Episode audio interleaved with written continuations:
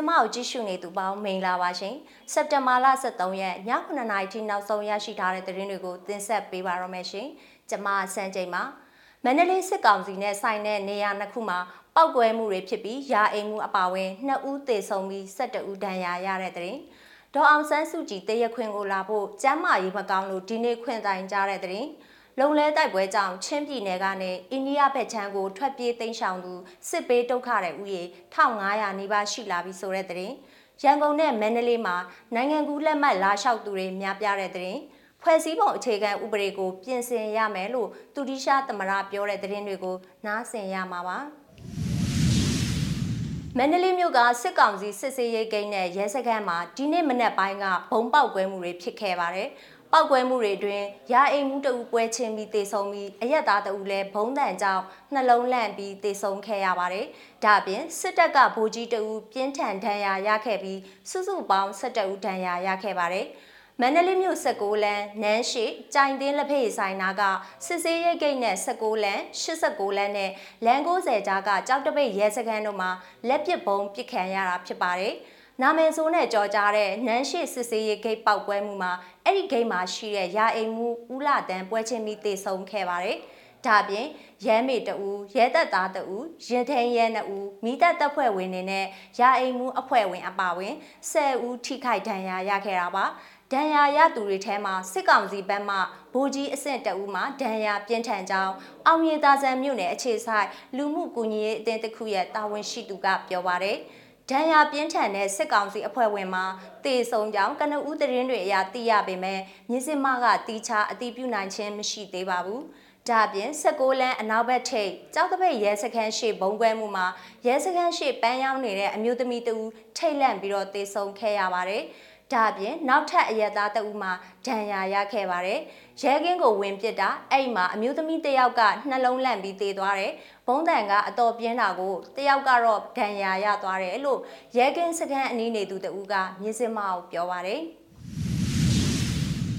နိုင်ငံတော်ရဲ့အတိုင်ပင်ခံပုဂ္ဂိုလ်ဒေါ်အောင်ဆန်းစုကြည်ဟာကျမ်းမာရေးအခြေအနေကြောင့်ဒီနေ့တရခွင်ကိုမသွားနိုင်တဲ့အတွက်ရုံးချင်းကိုခွင့်တိုင်ကြားခဲ့ရတယ်လို့ရှေ့နေအဖွဲ့ဝင်တဦးကမြင့်စင်မအောင်ပြောပါတယ်။ တရခွင်ကိုလာဖို့ကားမစီးနိုင်ပဲခေါင်းမူးနေတာကြောင့်ဖြစ်တာလို့သူကပြောပါတယ်။တခြားယောဂါကြောင့်တော့မဟုတ်ပါဘူးဒီမနေ့မှဖြစ်တာပါ။ထိုင်နေတဲ့အခြေအနေမဟုတ်တဲ့အတွက်ရုံးချင်းကိုမနေ့ပြန်ပြန်ချင်းပေးဖို့ပြောတယ်ကျွန်တော်တို့ခွင့်တိုင်ပေးလိုက်ပါတယ်လို့သူကပြောပါတယ်။ COVID-19 တတိယလှိုင်းကြောင့်ရုံးချင်းကိုဇူလိုင်လကစပြီးနှစ်လကြာယာယီဆိုင်းငံ့ထားရကနေဒီနေ့မှရုံးချင်းပြန်လဲချင်းဆိုထားတာဖြစ်ပါတယ်။ ဒေါအောင်ဆန်းစုကြည်ရဲ့ကျမ်းမာရေးအတွက်ဘယ်ဆရာဝန်နဲ့ပြသခွင့်ရမယ်ဆိုတာကိုမသိရှိရသေးကြောင်းရှေ့နေကပြောပါတယ်ချင်းပြည်နယ်ထန်တလန်မြို့နယ်တွင်ကလုံလဲတပ်စခန်းကိုတင်ပိုက်တဲ့စစ်ကောင်စီတပ်နဲ့ CNA CDF ထန်တလန်တို့တိုက်ပွဲတွင်ချင်းပြည်ကနေအိန္ဒိယနိုင်ငံမီဇိုရမ်ပြည်နယ်တွင်ထွက်ပြေးသိမ်းရှောင်တဲ့စစ်ပေးဒုက္ခတွေမှာဒီနေ့နေ့လယ်ထိ1392ဦးရှိပြီဖြစ်ပါတယ်။ ချင်းပြည်နယ်သွီးပွီမဲဆန္ဒနယ်ကရွေးကောက်ခံဥပဒေပြုလွှတ်တော်အမတ်ဒေါက်တာအာလက်ထန်လျန်နာကလည်းဒုက္ခတွေတွေရဲ့အခြေအနေကိုကွင်းစင်းစစ်ဆေးခဲ့ပါတယ်။မြန်မာနိုင်ငံကစစ်ရှောင်ထွက်ပြေးလာရတဲ့သွေးချင်းညီကိုမောင်နှမများစားစရာတောက်စရာမဲ့ဘဝနဲ့နေရမယ့်အဖြစ်မျိုးကိုလုံးဝအဖြစ်ခံမှာမဟုတ်ဘူးလို့သူကပြောပါတယ်။သူကစစ်ဘေးရှောင်တွေအတွက်ဆန်စီနဲ့ပဲတွေအပြင်ယာယီအိမ်ဆောက်လို့နေထိုင်ဖို့အတွက်မိုးကာတွေလည်းထောက်ပံ့ကူညီပေးခဲ့ပါတယ်။ အိန္ဒိယမြန်မာနယ်စပ်မှာတည်ရှိတဲ့ချင်းပြည်နယ်ထန်တလန်မြို့နယ်လုံလဲကျေးရွာကချင်းအမျိုးသားတပ်မတော် CNA ထန်တလန် CDF တို့ပူးပေါင်းတပ်နဲ့စစ်ကောင်စီတပ်တို့ဟာစက်တင်ဘာ17ရက်နဲ့12ရက်နေ့တွေမှာတိုက်ပွဲတွေဖြစ်ပွားခဲ့တဲ့အတွက်စစ်ရှောင်လာသူပိုများလာတာဖြစ်ပါတယ်။ စစ်ကောင်စီဘက်ကနေချက်လီရင်နဲ့ဘုံကျဲတိုက်ခိုက်မှုတွေဖြစ်ပွားပြီးနောက်လုံလဲကျေးရွာနဲ့အနီးနားကျေးရွာတွေကပြည်သူတွေဟာတစ်ဖက်နိုင်ငံမီဇိုရမ်ပြည်နယ်တဲကကျေးရွာတွေစီကိုထွက်ပြေးတိမ်းရှောင်နေကြရတာပဲဖြစ်ပါတယ်ရှင်။ကိုဗစ်တတိယလှိုင်းကြောင့်စစ်ကောင်စီလက်အောက်ခံအစိုးရရုံးတွေကိုနှစ်လကြာပိတ်ထားရမှ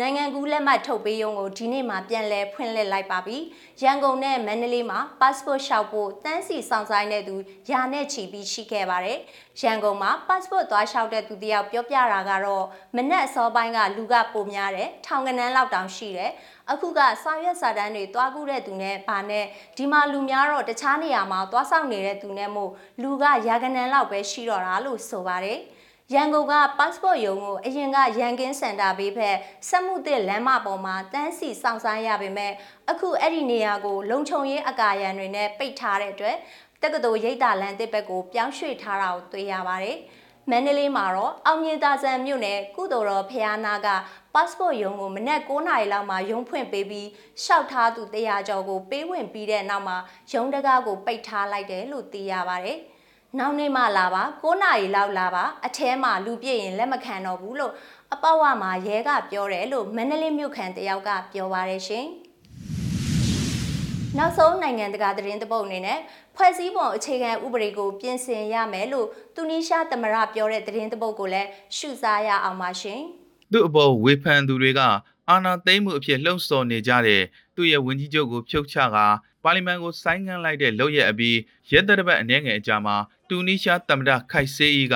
အစိုးရတစ်ခုဖွဲ့စည်းမဲ့အစီအစဉ်တွေကိုကြေညာလိုက်ပြီးဖွဲ့စည်းပုံအခြေခံဥပဒေကိုပါပြင်ဆင်သွားမယ်လို့ဆိုပါတယ်။ပြီးခဲ့တဲ့စက်တင်ဘာ17ရက်စနေနေ့ညနေပိုင်းကတူးနစ်မြို့လယ်မှာအပန်းဖြေလမ်းလျှောက်နေခဲ့အပြီးရုပ်သံ channel တစ်ခုနဲ့ဆွေးနွေးခန်းမှာခိုက်ဆေးအီကတမန်တမတ်အကြဆုံးပုံကိုယ်တွေကိုရွေးချယ်ပြီးရင်အမြန်ဆုံးအစိုးရအသစ်တရက်ဖွဲ့စည်းပေးသွားမယ်လို့ဆိုပါတယ်။ဒါပေမဲ့တိကျတဲ့အချိန်ကာလတစ်ခုပေးဖို့ကိုတော့ သူကညှင်းပယ်သွားခဲ့ပါတယ်။တူနီးရှားပြည်သူတွေဟာလက်ရှိဖွဲ့စည်းပုံအခြေခံဥပဒေကိုမလိုလားတော့ကြောင်းဥပဒေပြဋ္ဌာန်းချက်တွေဆိုတာအစင်ထာဝရမဟုတ်ကြောင်းနဲ့ပြင်ဆင်ချက်တွေလှုပ်ဆောင်နိုင်ကြောင်းသူကပြောဆိုခဲ့ပါတယ်။သူရဲ့အစီအစဉ်တွေအကြောင်းမီဒီယာတွေရဲ့အစောပိုင်းခံမှန်းချက်တွေကိုအတည်ပြုပေးလိုက်တဲ့အခုလိုသူ့ရဲ့ပြောဆိုချက်ကိုပါလီမန်မှာအကြီးဆုံးအစုအဖွဲ့ဖြစ်တဲ့အစ္စလာမစ်တို့ကြီးစိုးရာအ န်နီဒါပါတီကပယ်ချခဲ့ပါတယ်။ပါတီကထုတ်ပြန်တဲ့ကြေညာချက်မှာဒီမိုကရေစီကိုဆန့်ကျင်ပြီးဖွဲ့စည်းပုံအခြေခံဥပဒေပါပြဋ္ဌာန်းချက်တွေကိုချိုးဖောက်ဖို့တွန်းအားပေးနေတဲ့ပါတီတချို့ရဲ့ကြိုးပမ်းမှုတွေကိုပြက်ပြက်သားသားပယ်ချလိုက်သည်လို့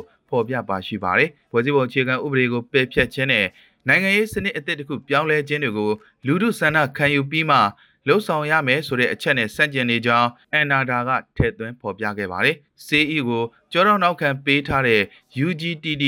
ကုံသွဲရေးတမကအဖွဲ့ချုပ်ကလည်းဘလို့ဖွဲ့စည်းပုံအခြေခံဥပဒေပယ်ဖျက်ခြင်းမျိုးကိုမဆိုဆန့်ကျင်ကြောင်းနဲ့ဥပဒေပြုရွေးကောက်ပွဲတွေပြုလုပ်ပေးဖို့တောင်းဆိုလိုက်ပြီးပါလီမန်အသစ်ကသာဖြစ်နိုင်ခြေရှိတဲ့ဖွဲ့စည်းပုံအခြေခံဥပဒေပြင်ဆင်ရေးလုပ်ငန်းကိုဆောင်ရွက်တဲ့ကြောင်းပြောဆိုလိုက်ပါတယ်2019ခုနှစ်က တမ္ပတအဖြစ်ရွေးကောက်ခံခဲ့ရတဲ့ဥပဒေရေးရာပညာရှင်နဲ့ပါမောက္ခဟောင်းတဦးဖြစ်ပြီးဖွဲ့စည်းပုံအခြေခံဥပဒေကိုအရေးကြိုးတောက်နိုင်သူအဖြစ်သူ့ကိုယ်သူချီးကျူးထားတဲ့စေးဤဟာဖွဲ့စည်းပုံပါအခွင့်အာဏာကိုအသုံးချပြီးဇူလိုင်လ25ရက်နေ့ကပါလီမန်ကိုရက်ဆိုင်က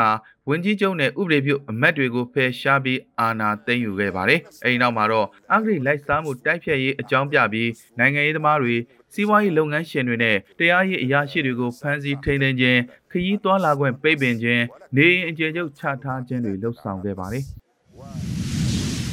မြင်းစမရဲ့စက်တင်ဘာ23ရက်ည9:00နာရီထိနောက်ဆုံးရရှိထားတဲ့သတင်းတွေကိုတင်ဆက်ပေးခဲ့တာပါကြည့်ရှုအားပေးတဲ့အတွက်ကျေးဇူးအထူးတင်ရှိပါတယ်မြန်မာပြည်သူတွေဘေးအန္တရာယ်ပေါင်းကကင်းဝေးကြပါစေရှင်